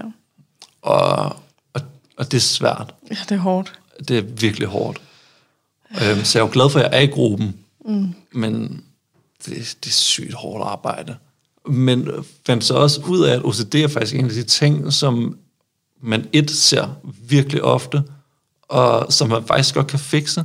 Mm. Det er sådan, det, de har sådan en rimelig god succesrate Ja. for at hjælpe folk af med deres OCD'er. Ja. Og det er jo vildt fedt. Ja. Altså, det, det er jeg taknemmelig for. Ja. Og Men Hvordan arbejder man lige med gradvis eksponering i forhold til ja, tvangstanker om, at man er bange for at krasse sine øjne ud, eller at, at spise sine hænder? ja altså... Fordi det er jo sige- ikke noget med at sådan, okay, stille og roligt, og så prøve at sutte på dine hænder, eller, altså sådan, tænker jeg, eller hvad? Nej, men lidt i den stil, Okay, faktisk. Jeg altså for at du oplever, at du ikke spiser dem, eller? Jeg blev instrueret i, at øh, jeg et par gange om dagen, så skulle jeg sætte mig ned, lukke mine øjne, og lægge mine hænder hen over mine øjne, ikke? sådan her, Okay, og bare trække for, for at opleve, at du ikke krasser dine øjne? Ja. Okay, Så sådan nogle Nå, ting så er det jo man. faktisk Ja. lige efter bogen, ja. Ja, og jeg havde det så også sådan, at jeg var sygt bange for at hoppe ud fra ting. Okay, Altså broer Ja. og så videre. Alt, man går op ud fra. Ud fra, altså, ja. det er den dag i dag, jeg har svært ved at sidde i vindueskarmen. Så okay. Okay. Jeg bryder mig, ikke, uh, bryder mig ikke super meget om Nej. det. Øhm, og der kan man jo også gøre sådan nogle ting med at, at stille sig hen på en bro, og stille mm. sig på midten af den, og holde fast i gelænderet, og så bare lige stå der Ja, og kigge ud over. Så og sådan nogle, sekunder. ja. ja. sådan nogle ting gik jeg rundt og lavede. Holdt mig for øjnene, og, og ja, Ja. gik over broer. Så virker sådan virkelig stenet, Ja. når, når man siger det. Men det er det, man gør, og det virker mm. Rigtig godt. Det, er, altså, for mig giver det fuldstændig Ja, mening. Ja, så og- det er den, man arbejder på. Men ja, ja men det er sådan, når man bliver introduceret til det. ja så virker det, det fjollet. Ja, og man skal, Jeg, jeg kan også arbejde med øh, kvinder, som skal lære at spise en eller anden ting, som for eksempel frugt eller slik, ja. Ja. eller sådan et eller andet. At, altså fordi det, at det er så angstfyldt at spise det, fordi man er forbundet med, så har jeg gjort noget forkert, så er det skamfuldt, så sker der alt muligt Ja. dårligt. Ikke? At så er det virkelig noget om, og du ved, okay, øh, er, det, er det slik, jamen så starter vi med det, det slik, du ser som er det mindst farligt, Mm. og så er det et kvart stykke af det. Eller du ved, sådan, det ja. Ja. er på det niveau, ja. Ja. for at man kan bevæge sig op Ja. til til sidst at kunne spise Ja. slik, når man vil. Eller Og det skal sådan, også sige, det er jo så også den måde, man, man gør det på i den her gruppe. Man laver jo sådan et, øh, sådan et hierarki Ja, over ens OCD'er, fordi Ja. det, er jo, det er de færreste, som kun har én ting Mhm. mm-hmm. med deres OCD. Der er tit sådan små ting, ting som Ja. folk faktisk, rent faktisk godt kan klare på en eller anden måde. Måske fordi det er en nødvendighed. Mm. Sådan noget som at gå ud og handle, og så bruge Ja. sit kreditkort. Det er sådan, hvis man har social angst. Eller, ja, og mange folk ja. de har det også med bakterier. Ja, Hvis man skal skrive sin kode. Nå, Ja, så har andre trykket på. Ja, lige præcis. Ja, ikke? okay. Og, og så der er jo så tit nogle ting, som folk godt kan gøre med det. Måske kan de godt gå ned i supermarkedet, og så bare gå en runde, mm-hmm. og dernede. Ja, og så laver man sådan et hierarki. Jeg kan faktisk Ja. ikke, engang- jeg kan ikke huske, hvad der lå i bunden Nej, af mit hierarki, men jeg kan så godt huske, hvad der lå i toppen af det. ja. Det var så selvfølgelig det her med at spise mine fingre og Ja. ja. øjne. Ikke? Ja, så med børn, der gør man det i, i, i, med et billede, som jeg har forstået, af sådan et, øh, et landskab som er ens liv, og så er det ligesom for hver del af landet, man ligesom generobrer, mm. det er, at man ligesom har tur at gøre noget, ja. Selvom angsten sagde, at man ikke skulle. Og så vinder man ligesom, så får man mere og mere ja. Øh, råderum. og sådan Det kan meget godt. Ja, lide. det er meget fint. Ja, det, Men det er, det er et meget godt billede. Ja. ja, det, Og alt det her, det handler jo om at, at gøre skade på dig selv. Men var der også noget Og i forhold andre. til, at, ja, at du var bange for at gøre skade på andre? ja, jeg var sygt bange for at gøre skade på andre. Okay. Og, hvordan kunne det se ud? Altså, hvad kunne det være for altså, en tanke? Nu, nu havde jeg jo så den kæreste på det her tidspunkt, at jeg var så bange for at slå hende ihjel. Okay. Altså, det er sådan... Sådan og hvilket jeg ikke kunne finde eller på. ved du, Jeg var raserianfald, eller ved... You name it. Der bare er, sådan, fordi... det, det kunne være man alt. lige- Det kunne være at komme til at skubbe. Det kunne være... Lige pludselig skulle jeg have sådan en tanke om, sådan, er jeg i gang med at planlægge et mor Ja. lige nu? Altså, hvad er det, der, der sker her? Eller alle mulige tanker. Eller det, det endte med, at jeg kunne kun være hjemme hos hende, hvis hendes mor også var der. Okay. Fordi så var der i det mindste så den var der der... en til at passe på, at du ikke gjorde noget ved hende. Ja. Det er ikke et særligt fedt parforhold heller. Nej. Og have, at moren skal være hjemme, Nej. og at det kan, kan lade sig gøre. Plejer at være rast og Ja. have et parforhold uden moren. De Ja. ja. boede i sådan et højhus i Rødovre på 5. 6. sal. Okay. Og, um, så der skulle jeg jo det selvfølgelig matcher også lige... med... Ja, det var Du så også lige passe fedt. på, at du ikke kaster nogen ud af vinduet. Og mig selv. Og dig selv ud af Fordi vinduet. når Ja, jeg, det var sådan et... Øh, hvad hedder det? Det hedder, hedder det sådan en svalegang, det går jeg. hvor at, øh, der, er sådan, der er åbent ud til, til... Ja, der var folk, der bare hoppede ud fra det hus. Fordi at, at man kunne. Du ved, der var bare et rækværk. Der var folk, der hoppede ud. Ja. Det var sådan et... Altså folk, som begik selvmord. Ja, det var sådan et... Øh, ja, lidt ubehageligt. Og det var Sted. bare sådan et sted, man gjorde det, eller hvad? Mm, altså, man kan sige, de der høje huse, hvor man bare kan hoppe ud fra, og der er frit tilgængeligt, der hopper folk jo ud fra. Og det Desværre. anede jeg ikke. Og det sker. Men ja, det giver mening. Eller, ja. Ja. Altså sådan, hvis det er det, man...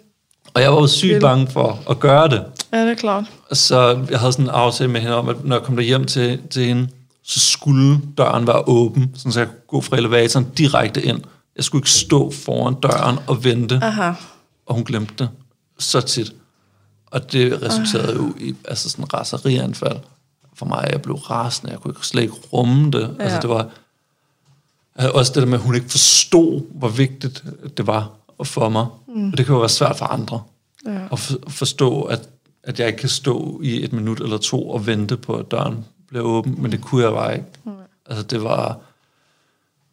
Det sådan, jeg kunne nærmest stå og kramme døren. Altså Ja. sådan læne mig helt ind ad Ja, væggen, ja. for bare at være så langt væk Men fra... fra der, hvor man hoppe ud. Ja, ja. og Shit.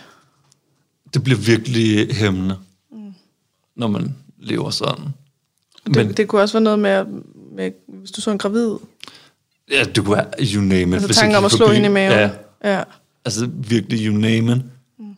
Så så et lille barn, bange for at kidnappe barnet. Ikke? Ja. Altså sådan, kigger, hvis du ved, hvis man ser et eller andet tv, mm. og der er et, så siger vi, der er et øh, barn, der løber rundt nøgent, ikke? Mm. Betyder det så, at jeg er pædofil mm. nu? Altså, så Ja. alle sådan nogle, sådan nogle tanker dukker bare op Ja. i mit hoved. Og, og forskellen er jo, Puha. at andre folk laver, som måske de tanker passerer, mm. og jeg tog bare fat i dem, Ja. og begyndte bare at analysere og gruble, ja. og kunne ikke lægge dem fra mig igen overhovedet. Og så jeg var bange for at være Drøv- pædofil, jeg var bange for at være morder, og bange for at Ja. begå selvmord. Det var virkelig Ja. bare... Jeg, jeg kan huske, der var en gang en, der fortalte mig, at han ligesom havde... Så, så kunne han dreje i et kryds, og så køre over en eller anden lille ting, eller sådan noget. Og så lige pludselig tænkte han, gud, hvad hvis det egentlig var, et, var det den der kvinde der? Mm, Altså det vidste han godt, det ikke var, Ja. ja. for det var bare en lille ting. Men hvad hvis det var den kvinde, der lige gik over vejen der? Ja. Ja. Hvad hvis det var hende, han havde kørt ned? Og så lige pludselig blev det til, gud, jeg har kørt en kvinde ned. ja, Gud, jeg er morder. ja. Gud, jeg er faktisk på flugt. Altså sådan, at det bare eskalerer, fordi at tankerne, de får lov at manifestere sig, eller hvad mm. fanden det hedder, de bliver værre og værre, og Ja. mere og mere insisterende, og man giver masser af benzin til bålet, Ja. ja. fordi man tænker, gud, det må jeg hellere lige tænke mere over det her. Jeg mødte også ja. Ja. en, der nogle bestemte steder ikke kunne dreje til højre. Ej, Fordi det er at så var personen, ja, præcis, personen var bange for, at hendes forældre ville dø, hvis hun gjorde det. Ja, Så altså, bare sådan, så lige pludselig kan man ikke dreje til højre. Vel? Nej. Og, og hvis man så gør det, fordi man er nødsaget til det, mm. så fylder det hele ens dag ja. Og efterfølgende. hvis der sker noget dårligt, så er det ens skyld. Ja, hvad så hvis hun Det er ringer til hendes at forældre, og de ikke tager den ja. Efterfølgende? Ikke? Altså, så er det, er det jo bare Ej, det der benzin. fuck. Og så er det jo helt tilfældigt, hvad hjernen lige vælger, den handling skal være. Ja. Og det kan jo være sådan, at hvis du, du ved, børster hår, Ja. Nå, men så, så dør dit barn, eller Ja. ja. hvis du, øh, du ved, børster tænder, eller Ja. jeg ved ikke, hvad Jamen, altså, det var. Det, det Hvis du, til, at der er nogle du tager briller på i dag, gange. kontaktlinser, så, altså, Ja. så er man æder med med overladt til tilfældighederne. Ja. Puha, Det er... Ja, det er bare sygt hårdt. ja. Det er det virkelig. Øhm, Jeg går så der, og jeg får det også bedre mm. i den gruppe, men jeg har stadig meget angst. Rigtig meget. Mm. Og kommer til nogle samtaler på hospitalet igen, igen, mm. igen, og det der fine lille visitationshæfte kommer frem, og så siger de så, altså vi har et, øh, vi har et tilbud, som jeg tror faktisk vil passe til dig, mm. fordi at øh, det lyder som om, at du godt måske kunne have en anden personlighedsforstyrrelse Oven i borderline. oveni. Og det er så en, som faktisk er lidt modstridende i det, som så hedder en ængstelig evasiv personlighedsforstyrrelse. Ængstelig evasiv. Ja, Evasive. ja. Okay. Og hvad betyder det helt specifikt? Basically, øh, så er det en diagnose, som beskriver en som værende en person med meget lavt selvværd, mm. ængstelig mm. og enormt søgende efter bekræftelse mm. for andre. Ja. Og den ængstlige evasive er altid, lider meget ofte den der tanke om ikke at være god nok. Mm. I så selvfølgelig en Men i så høj grad, at det bliver øh, Ja. fuldstændig altafgørende. Ja. Lige præcis. Og at øh, man gør ting, som man normalt ikke måske ville have gjort, for at få den her bekræftelse. Og hvad kunne det være, man gør? Altså ting, der går imod ens egne værdier, eller er det sådan noget Det med, kunne du, kunne du sagtens for kvinder være. at have sex med mænd? For et, eller- altså, Kunne det sagtens være for mænd at have sex med kvinder Ja, okay. for det. Ja. Altså, og Altså, jeg ved for mig selv, at jeg har jo nogle gange opført mig, som en, jeg ikke ville være, mm.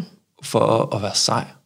Ja. Altså, det var bare sådan, det ved godt, det lyder måske latterligt, ikke? Men, Det, men det gør alle jo i Ja. en eller anden grad, men det, Det gør man. det er bare sjældent i så høj en grad, det og det er nemlig problem. det, ikke? Det er graden, mm. der afgør det. Når man lige pludselig står der bagefter og tænker, for sådan, det er overhovedet ikke mig. Ja. Altså, det her, det var bare ubehageligt. Altså, hvorfor gør jeg det her, og hvorfor kan jeg ikke stoppe med at gøre det? Ja. Men det er vel også det, der er en personlighedsforstyrrelse, Ja. tænker jeg bare. Altså i ordet. Nu ved Ja. jeg ikke noget om det, men Ja. altså, at, at det der med, at man ikke kan genkende sig selv, og det kender alle jo, Mhm. mm. i en, i en øh, lav grad i hvert fald, Ja. det der med, at man tænker, hvorfor fanden gør jeg det der? Det er sgu da dumt, ikke? Ja, og det er jo også det, der er så svært ved nogle af de diagnoser. Mm. Fordi det er jo, Det er et spektrum. ja, og, det, ja. Og alle folk, de har det jo også sådan. Ja. en gang imellem. Ja. Problemet er bare, når det bliver til hele tiden og altid, og at det er alle afskyggelser af dit liv, og at du ikke kan leve dit liv ja. på grund af det. Men selv i det er der jo også grader mm. af det, ikke? Ja. For eksempel mig, jeg har jo altid sådan holdt mig kørende på en eller anden måde. Mm. Så det var sådan, ja, altså jeg har jo ikke haft det fedt, men jeg har fandme fungeret i forhold til, til mange andre. Mm. Altså jeg har trods alt taget en HF. Jeg har ikke slået ja. mig selv ihjel. Nej. Jeg er ikke blevet narkoman. Det i sig selv, ikke at slå sig selv ihjel, det er jo fandme en øh, ja, præstation, når man har det så skidt. og især Altså, det ved jeg godt lyder mærkeligt, men det er det jo. det er det. Og især inden for det spektrum. Mm. Altså, der er... Det er sådan... Jeg kan ikke huske tallene, vel? Og det er der helt sikkert nogen, der kommer til at sætte mig op på, men jeg har det som om, at det er sådan at 25 procent diagnostiseret med borderline, der ender med at begå selvmord. Altså, det er et eller andet Det i, kunne man godt forestille sig. i den dur, ikke? Ja. Altså, det er hårdt. Mm. Og, og det kan sgu være svært at anerkende også. Mm. Nogle gange. Ja. Det er jo, men det er jo det der, man er, du er nødt til at få hjælp. Altså, du er nødt til ikke at stå med det alene. Du er nødt til at anerkende, at du står ud med en udfordring, som Mm. er for stor. Ja. Det betyder ikke, at du er svag. Det betyder, at udfordringen er for stor. Der Ja. er meget forskel i de to måder at snakke på. Ikke? Ja, det opgaven, der er for tung, eller er det mig, der er for svag? helt sikkert. Ja. Og ja, så også det her med, at øh, igen, ikke, der er imposter syndrome, ja. som bare, det Som fylder. handler om, det, at man er bange for, at andre de finder ud af, at man i virkeligheden slet ikke Ja, er det, som de tror, Ja. ja. man er. Man er i virkeligheden slet ikke god nok. Man går bare rundt og leger og lader som om, så kan man blive bustet Ja. ja. når som helst. lige præcis. Fy for satan. Og Og det kender vi alle sammen også. Og det kan vi altså også alle sammen. Men det er jo sindssygt nok, at man kan sidde og sige alle de her ting, og stadig den dag i dag, når jeg siger det, så føler jeg bare sådan, ah, var Jacob, mm. var det så slemt? Ja. Havde du det rigtig dårligt, ja. Var? Altså, Ej. den, den sidder jeg stadig med. Og jeg kan ikke rigtig føle, at jeg giver slip på den. Nej. Fordi at der er folk, der blev slået af deres forældre. Ikke? Og det, er sådan, det gjorde jeg Jo. ikke. Og der er folk, der begik selvmord Ja. ja. med samme diagnose. Ja. Ja. Og der er folk, der, der ikke, ikke engang kan afslutte øh, altså 9. klasse Ja, på grund af alt det her. ja, Men du har klaret den. ja. Så har jeg det dårligt nok til Har, du, at... har du det dårligt nok? Ja. ja. Og var jeg berettiget til den hjælp, ja. jeg fik? Men det er helt det der, hvis man er den, der har det bedste i gruppen, Ja. så har man det ikke dårligt nok til gruppen, men man har det heller ikke godt nok til Ja. ja. virkeligheden. Og jeg sad jo ved siden af folk, der havde prøvet at begå selvmord. Mm. Vi i starten af, af sådan en terapisession, så skal man lige lande. Så man laver sådan lidt sådan mindfulness Ja. øvelse. Og det er sygt svært. ja, altså det var det er klart. så, når man, så skal man, gå til sådan sit happy place i hovedet, ikke? Okay. Og hver gang jeg gik der til, så forestiller jeg mig sådan, sådan en græsplæne med sådan en lille hytte, mm. hvor at, altså, du ved, man, det var hyggeligt, man var for sig selv. Og så forestiller jeg mig derinde, at der var en Playstation. Mm. Og lige så snart jeg kom derind, så begyndte jeg bare at se blodklatter over det hele inde i mit Ej. hoved. Ikke? Og så begyndte det bare at se, jeg havde det så svært. Så dit happy place blev forstyrret. Ja, konstant, ikke? Altså, så er det svært at gå derhen. Og, og sad ved siden af en, som, hvor den persons happy place, mm. det var, det var ude ved, ved Sankt Hans, altså Roskilde Sankt Hans øh, psykiatrisk afdeling, ikke? Ja. hvor at, øh, der var en skov, hvor den her person gik rigtig mange ture. Og den her persons happy place, det var det, var det træ, som, øh, som personen vil hænge sig i. Ikke? Altså, man sidder ved siden af en, Det er happy place, okay. hvor det er happy place, ikke? Det er bare, det er fred. Ej, der, det synger den der sang. The dreams in which I'm dying are the best I've never had. Ja.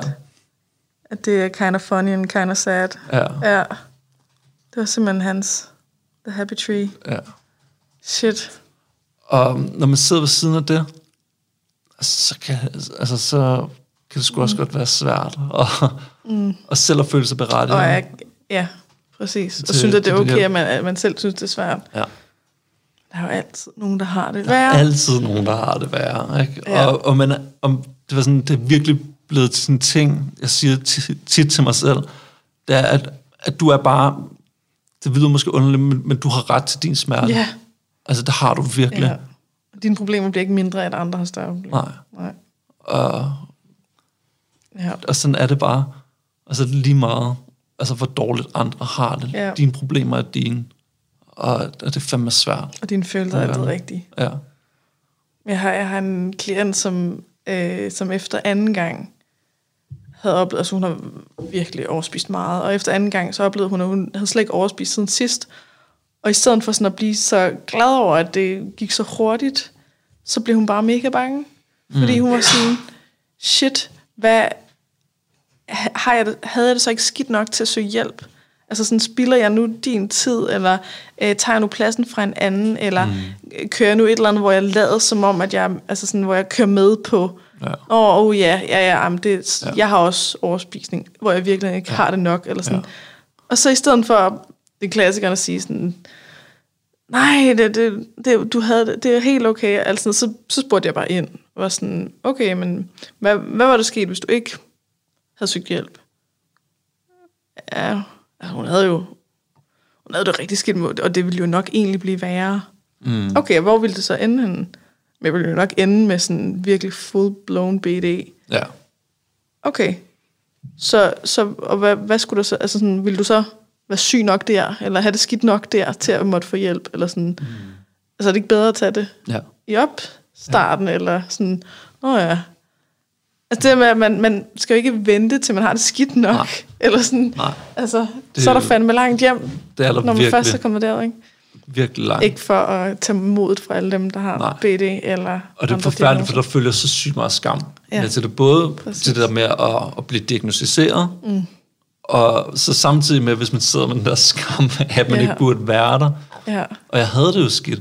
Altså, jeg havde nogle nætter, så gik jeg, gik jeg ned ved Valby station, og, og satte mig ned ved siden af skinnerne, mm. og bare sad der og bare sådan, er det, altså, er det nu? er det nu? Altså, der har man det sgu ret skidt. Mm. Men det følte jeg så bare. Ja. Ikke, at det var skidt nok. Ja. Det, det er fucking Det er sådan crazy. den der evige skam, at det er fandme, uanset hvordan man har det, Ja, så er det forkert. ja, Altså, ja. du skal skamme dig over ikke at kunne have det godt nok til et almindeligt liv. Du skal også skamme dig over, at du har det, har det for godt til ja. Øh, at få hjælp. Ja. Men til gengæld så er jeg sygt godt ind i de diagnoser, de nu har kastet efter mig, så det har de nok gjort rigtigt. Ja, Altså, der men det er meget sjovt diagnoser, ikke? Ja, for der er nogen, der bliver enormt lettet. Ja, Der er nogen, der er sådan, åh, okay, så der er et eller andet i vejen. Det er ikke Ja. bare mig.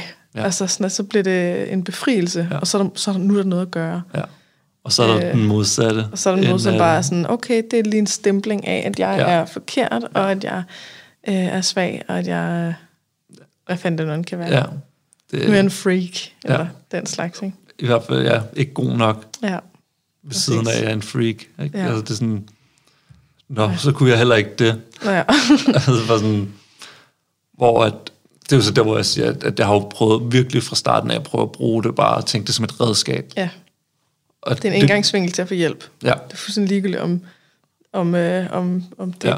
Altså, ja. og sjovt nok er det først sådan flere år efter terapien er overstået, at jeg kan kigge tilbage og tænke sådan, ja, de havde sgu måske ret mm. med de der diagnoser. Jeg behøver ikke at identificere mig. Nej. jeg behøver ikke at være borderline. Jeg behøver ikke at, at være OCD. Men altså, de, der var jo noget, som de havde, de havde ret i. Mm. Og det var nogle rigtig gode værktøjer, mm. som de havde og brugte. Ja. Men det tog mig altså også år Ja. ved det, fordi altså den der borderline generelt, altså, den har, det er den, der har ramt hårdest, mm. synes jeg, at blive diagnostiseret med. Jeg tror også, det er fordi, vi snakker for lidt om det. Altså, hvis man havde hørt om en masse andre, der havde det, i alle mulige forskellige situationer, ja. eller øh, altså sådan, at det både var piger og drenge, eller mænd og kvinder, eller mm. det også var, det kunne også se sådan her ud, og, og ham her, han oplevede det på den her måde, og hende, altså sådan, hvis ja. man havde hørt mere om det, så ligger det så skræmmende. Helt sikkert. Ligesom at få at vide, at du har oplevet angst. Hvis mm. man har en eller anden historie om, at angst, det, det er du ved, det er, at man ligger og raller og ikke kan noget som helst, ja. og, øh, og er sådan fuldstændig afhængig af alt mulig medicin. Mm. Så har man ikke lyst til at have angst. Okay, men angst er en grundfølelse, som vi alle sammen har ja. I, i forskellige grader. Så jo mere man ved om det, mm. jo mindre skræmmende er det. Sådan, gud, nå, det var et angstanfald, okay. Og min forståelse af borderline, det var, at det var det, som alle de der psycho bitches ja. havde. Ikke? ja. altså, dem der, som gik rundt i Næstved, og vi var ja. i en pigebande og bankede folk. Ikke? Ja det var virkelig, det var det, jeg havde hørt om borderline. Det var det sådan, du ved, det der blev snakket om i krogene, ja. hvis det var, ikke? så var det bare sådan, det var sådan nogle syge borderline piger. Okay. Ikke? Det var dem, der lavede selvskade, det var dem, der, der mm. var fucked op og rev lejligheder i stykker, og mm. man ikke kunne have nogen steder og skulle placeres på hjem. Ikke? Ja. Og så lige pludselig sidder man der, og mand, dreng, hvad, 23 mm. år, og, sådan, og nu er jeg borderline. Nu skal jeg sætte i den kasse ja. af pigebande. Ja. Og så selvom at jeg havde det her syn på det, som jeg havde, så kan man jo ikke undgå, at, altså omkring, at, øh, at det er et redskab, så kan man jo ikke undgå, at, at de tanker, de dukker op. Mm. Det er jo ikke bare sådan sort-hvid, at man kan sige, nu vælger jeg kun, at det er et redskab. Mm. Den anden del eksisterer jo også. Ja, det er klart. Og den har virkelig været op mange gange. Ja. Det der ikke, var ikke noget, som jeg ville være heller. Men nu her senere, der er jeg kommer rimelig meget til ro mm. med det, og kan godt se, hvorfor det er. Og sygt rart, at man ikke behøver at være, at diagnosen ikke sådan behøver at være stereotyp. Ja. Alle er jo ikke ens. Nej. Det er, jo, Men det er jo det er et falsk system i sig selv. Altså, ja. man kan ikke sætte folk i kasser. Nej. Eller ligesom de der personlighedstests og alt sådan noget. Du, du kan ikke være i den her kasse. Nej. Du kan være lidt i den, du kan meget, du kan svinge, du er alt muligt. Ikke? Mm bare lige, jeg vil bare lige nævne det der med selvskade, men det er jo også en af de ting, som, øh, du ved, hvis man øh, ser ar på nogen, at man så tænker alt muligt om det, fordi vi ikke snakker nok om det. Og det er forfærdeligt. Altså sådan, at man er, man er ikke syg i hovedet, fordi Nej. man skal i sig selv. Og der er jo så det. en af dem, som også har ja. ar på Præcis. armen. armene. Du har fået tatoveringer over. Ja. Ja. ja. Man kan altså, stadig se det lidt. Man kan se det lidt, men jeg valgte jo faktisk også at få min første tatovering på grund af det. Okay. For at få, få, få dem dækket ja. lidt, fordi jeg var træt ja. af, at øh, folk de spørger, men folk de spørger ikke på en fed måde. Nej. Det er ikke en nysgerrig, det, nej. hey, er det noget, du vil snakke om? Jeg vil rigtig gerne lytte. Ja. Det er sådan en, uh, hvad er der galt med dig? Og det er altid lige på og hårdt. Det er, er det ikke det? en samtale, man bliver iset ind i. Nå. Det er altid, har du skåret dig selv? Nå, okay. Det er det, det, man bliver ja, det, mødt med. Og Men det ville være bedre, hvis, man, hvis alle ignorerede det altid. Det er der også nogen, der synes er enormt ubehageligt, ikke?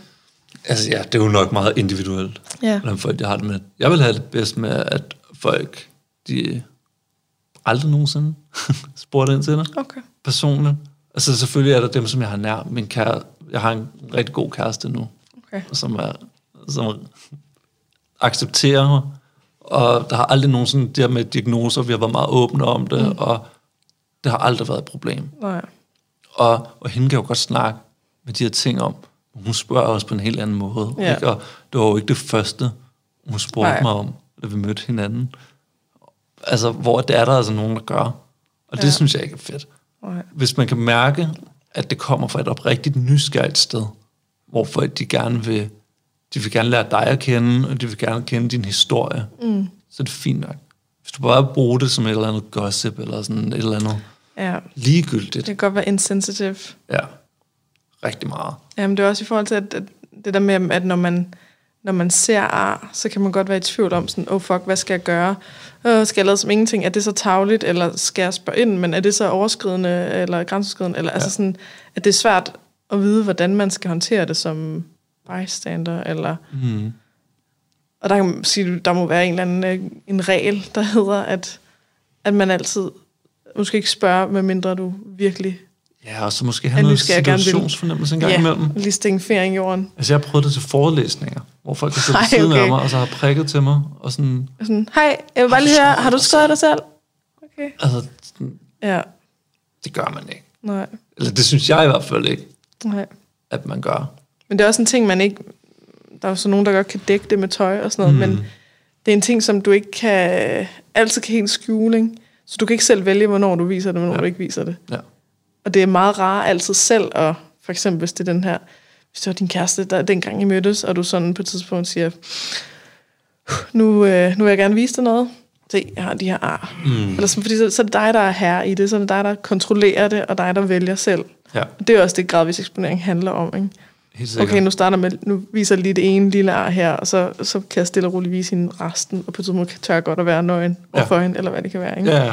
Men det der med, hvis andre kommer, det kan også være, hvis man er tyk. Altså, det er ikke noget, Ja. man sådan helt kan skjule, ikke? Ja, Så hvis andre kommer sådan, hvorfor er du så tyk? ja. Ikke? Altså, sådan, åh, det kan man ikke lige selv. Og det er totalt fucking whack. Ja, Det skal man lade være totalt med. fucking væk. altså virkelig, Ja. det, skal, det skal I prøve at lade være med, hvis I kan. Ja. Og jeg synes at man skal snakke om tingene. Ja. Det er jo ikke sådan, at jeg have, at man siger ting hen overhovedet. Nej. Men det handler meget om, hvordan man gør det. Og hvordan modtageren opfatter dine intentioner omkring det. Mm. Giver det mening? Ja, Ja. helt sikkert. Det, Træd varsomt. ja, lige præcis. Ja, Og så måske også lige lære hinanden at kende først. ja.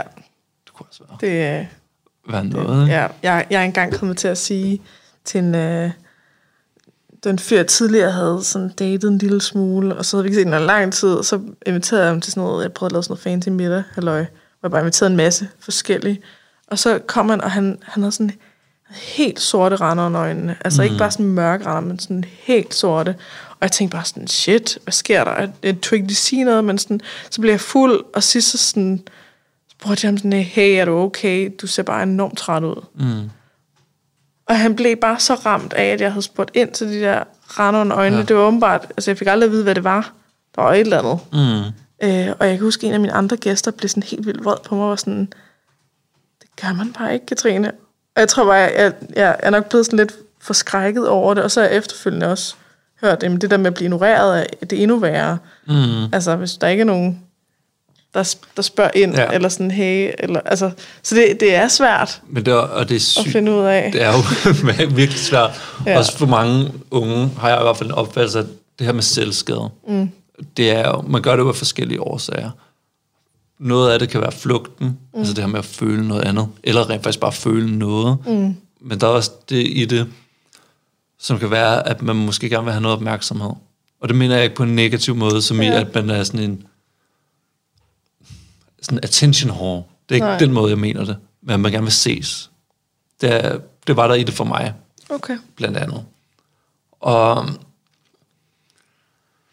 og det viser jo også Altså igen... cry for help. Ja, ja, og det viser jo igen det der spektrum, som du også lidt siger der, med hvor svært det er, fordi hvor han er den person. Mm. Er det noget, der skal ignoreres? Mm. Eller er det noget, der ikke skal Ja. ignoreres? Det er bare det er svært. Ja. Men det er som om, der er en meget, øh, sådan i hvert fald inden for professionelt, når man snakker om det, så lyder det som om, at det er meget sådan, øh, det skal altid ignoreres, fordi man må ikke på nogen måde billige det, eller sådan give den opmærksomhed, som mm. personen gerne vil have, fordi så understøtter man, at selvskade er det rigtige, mm. agtigt. Hvor jeg sådan, okay, men det, er det ikke sådan lidt sort-hvid tankegang, fordi Ja.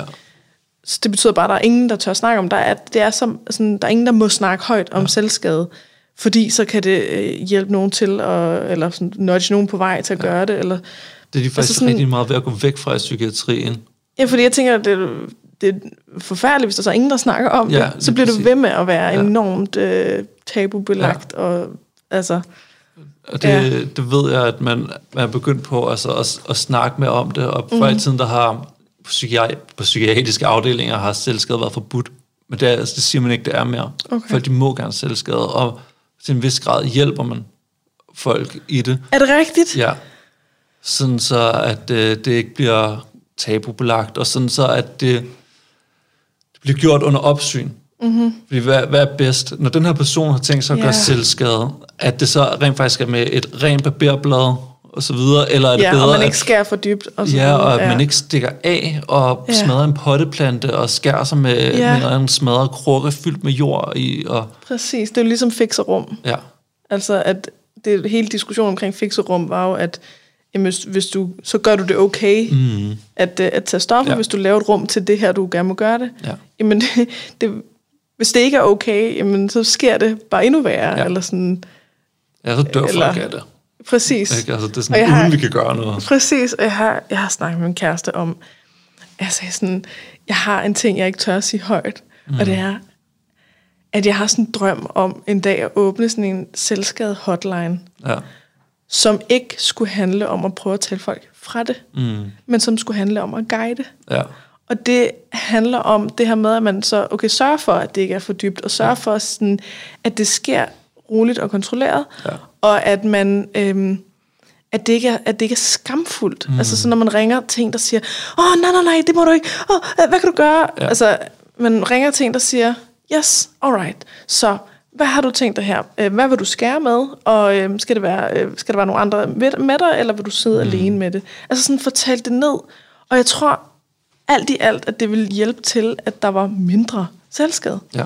Helt sikkert. Fordi det, jeg så oplever det meget med overspisning. Ikke? Ja. At så snart at jeg bruger med mine klienter, at vi planlægger overspisninger, mm. fordi vi skal have fat i, hvad gør du bagefter, Ja. og så videre. Og vi, vi går ind og snakker om, okay, øh, det er vigtigt, at du så, øh, hvis du så kan mærke, at du egentlig ikke rigtig har lyst til det, så skulle lige spise videre, mm. fordi vi skal lige have overmætheden ind, så vi kan arbejde med den og sådan Ja. noget. Ikke?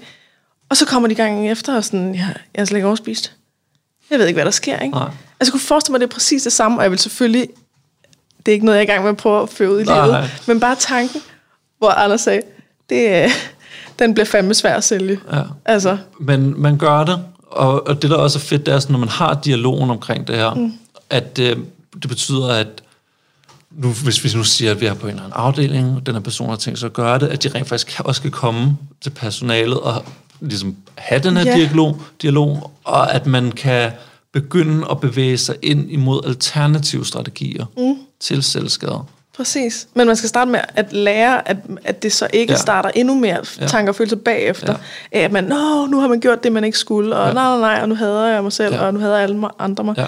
Men at man ligesom siger, okay, der skal lige ro på den del, mm. og så kan der ja. begynde at være overskud til at kigge på noget andet, mm. som kan supplere. Ja. Og så på et eller andet tidspunkt, så kan, så kan det være nok Ja. ja. med de andre ting. Og det er faktisk ret interessant, nogle af de måder, man gør det på nu, det er også sådan, man, man eksperimenterer meget med, hvad der virker for den individuelle, ikke? Men det kan være sådan noget som for eksempel at spise en chili Okay. i stedet, så er der nogen, der oplever. Ja. Altså, det er jo Ja, eller elastikken på håndlederne. ja, Eller, ja. alle mulige sådan forskellige ting, ikke? Og det er Mhm. jo meget interessant, at man kan bevæge sig fra den skadelige selvskade til sådan, ja, ja. noget, som Det hvis jo ikke fører det ud i livet. måde. Ja, Altså, det... fører det ud i livet, og så, du ved, det er knald eller fald. Enten Ja. ja. så, øh, så er du fuldstændig maniac, crazy, der, der gør det hele værre og Ja. ja. fucker alting op. Eller også så er du den der øh, geniale nytænkende, som øh, rent faktisk endelig laver noget, der virker. Eller whatever. Ja. Altså, Ja, helt sikkert. sådan dem, dem, der virkelig har lavet noget, der rykker, Ja. det er jo dem, alle har sagt, at Ja, ja. Er, er sindssyge. Helt sikkert. Jeg kan også huske første gang, at jeg blev introduceret til, at man gjorde det her. Mm-hmm. Tænkte jeg, I er komplet idioter. Mm. Altså, de, Ja. det skal Det må- man det ikke må ikke gøre. blive det, okay. det må man jo ikke. Fordi så gør folk det bare mere. Ja. Ja, ja gør og så de det? blev jeg sat ind i det, Ja, og forstod det, og så, ja, ja. så når man dertil, hvor, hvor du er. Ja, nu har jeg sagt det højt i en podcast. Ja. Ja. Nu, er, nu, nu er min gradvæksteksponering, den er, Ja. det var rigeligt. Ja. jeg, jeg fører det ikke ud i livet. Hvert fald ikke lige nu. Men det kan Nok blive øh, fremtidigt 10 år projekt. Eller sådan noget. Ja, der er masser af projekter. Jeg tror også, vi skal til at slutte af. Ja. Men uh, kan du lige sådan sige lidt kort om, hvordan har du det i dag? Mm, Altså, jeg var jo rigtig nervøs. Lige sådan specifikt i dag var jeg rigtig nervøs, Ja. da jeg kom. Og nu har jeg det meget bedre mm. igen. Og det synes jeg faktisk er en meget fin sådan, billede af, hvordan jeg også har det nu. Ikke? Ja. Det var rigtig svært til at starte med. Men Du har et godt parforhold, jeg har et og godt du øh, parforhold. studerer, jeg studerer. og du... Jeg har sygt mange udfordringer. Mm. Og altså, f- stadigvæk. Men, men jeg klarer den. Mm. Og, og jeg, jeg har det sådan, før i tiden, der var jeg bange for, om jeg nogensinde ville kunne komme til at leve et normalt liv. Mm. Og, og det tror jeg på, at jeg kan. Mm. Og, og det er virkelig det, jeg vil. Jeg vil gerne bare have et normalt liv. Ja. Jeg vil gerne have min kæreste. Jeg vil gerne have nogle grineren børn.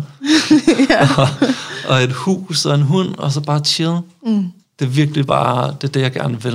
Mm. Og det føler jeg, at, øh, at jeg kan nu. ja. Så, så jeg har det godt, Ja. synes jeg. Og mine udfordringer, de bliver bedre i perioder, så er det værre mm. end andre. Du kan godt tåle, at der er svingninger. Ja, Ja. altså det kan jeg jo godt. Jeg kan godt tåle de svingninger, men, men det er stadig svært. Og for mig der er det især den her mindre værtsfølelse. ja. Og den der følelse Ej, af jeg ikke at være finde god pille nok. til øh, Ja, mindreværspillen. ja. Jeg vil jo Det- blive millionær. Milliardær. Trilliard. Ja. Fantasy. Et eller andet nær. God nok pillen. God nok pillen. Ja, Tag den, og så har du bare den der lækre ja. følelse af, hey, jeg er sgu okay. Jeg er god nok. Der er ikke noget at være bange for. Jeg er, jeg er helt okay, som jeg er. det kunne være sindssygt. Det ville være fedt. Altså det, øh, man kan sige, for eksempel lige da jeg startede skole, der fik jeg et firtal. Mm. Og det er jo faktisk en, en helt fin karakter. Ikke? Ja. Jeg, føl- jeg tror, jeg lå i sengen i en uge, og bare Ja. følte mig som en fucking taber.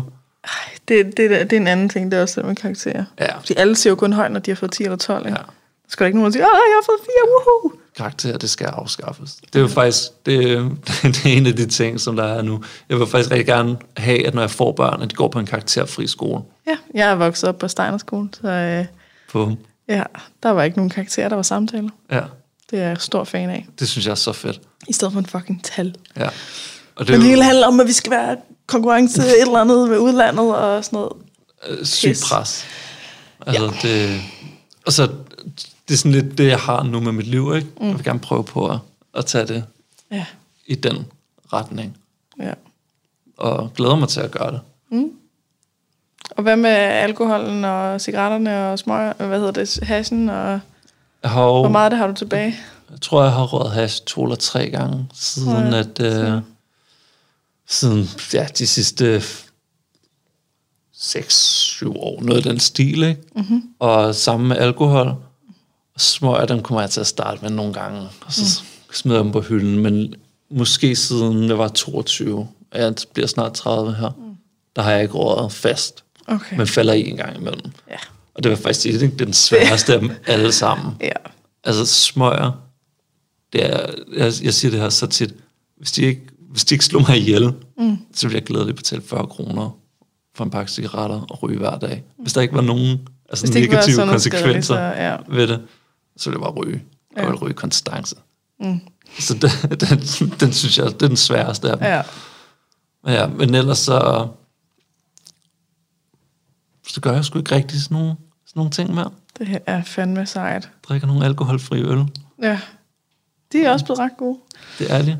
Det var faktisk Men et det stort problem i er starten. hardcore. Ja. Det, Der ikke rigtig findes noget. ja, det var faktisk sådan noget klamt vand. Ja. Men der, der er de blevet ret De gode er til. faktisk blevet okay gode. Ja. Um, Findes også noget okay, godt alkoholfri rødvin? ja, det synes jeg faktisk også. Ja. Og har du set, de har lavet sådan nogle rum-ish og gin-ish, som er Okay. alkoholfrie. Rum og, Nå, og gin. nej, det Så jeg kan faktisk også drikke gin og tonic nu. Ja, Ja, fedt. Det er fandme sejt. tak. Og det er så fedt, at du har haft lyst til at komme ind og fortælle, især som mand. Ja, altså det er jo sygt svært også med sådan en historie, ikke? Hvor, mm. hvor skal man starte, hvor skal man slutte? Ja. Der er sket så mange ting imellem, og, og det er bare, s- det er bare pisse svært. Det er pisse Og jeg er glad for, at, øh, at der er sådan en platform som det her, hvor man kan komme mm. og snakke om det. Det er jo faktisk første gang, jeg sådan går ud og, og snakker om det, ud over privat. Ikke? Ja. Øhm, og ja, det her med at være en mand, ikke? Og det er en helt ny podcast. Jamen, det er en helt nyt podcast, Det ja. men fucking søg hjælp. Altså, det, det, Det er ikke prisen værd, nej, ikke at søge hjælp. Overhovedet ikke. Så kan det godt være, at man ikke øh, føler sig øh, lige så et eller andet ja. umaskulin eller whatever. Ja, Men det Det- er altid bedst at sige hjælp. ja så please gør det. Gør det. Og der er mange andre mænd derude, der også sidder og tænker, jeg må ikke vise, at jeg har det skidt. Ja, Jamen for helvede, der er nogen, der skal starte den, som ring i vandet, ikke? ja. Og så skal der være flere og flere. der tør at gå, stå frem ja. og bede om hjælp. Og øh, gå i terapi. Og ja. hvad fanden det nu ellers skal ja. være, ikke? Gør det. You're gonna get so much better. Ja, det virker. Det virker. It fucking works. Ja, så skal vi slutte af. Tusind tak, fordi at, øh, at du ville komme ind til mig. Det, øh, det blev halvanden time. tak for det. Perfekt. Tak for i dag. Tak fordi at du lyttede med så langt. Som sagt, så hvis du har lyst til at støtte den her podcast, så gå ind på tier.dk, det er titaler.dk, og søg på Perfekt Uperfekt. Der skal du registrere dine betalingsoplysninger en gang, og så kan du vælge for eksempel at give en 10'er per episode, der udkommer i fremtiden. Der er også et link i beskrivelsen, hvis det er nemmere. Og hvis du gerne vil vide mere om mine foredrag og online foredrag og kognitiv kostvejledning osv., så gå ind på katrinegissiker.dk. Igen, tak fordi du lytter med.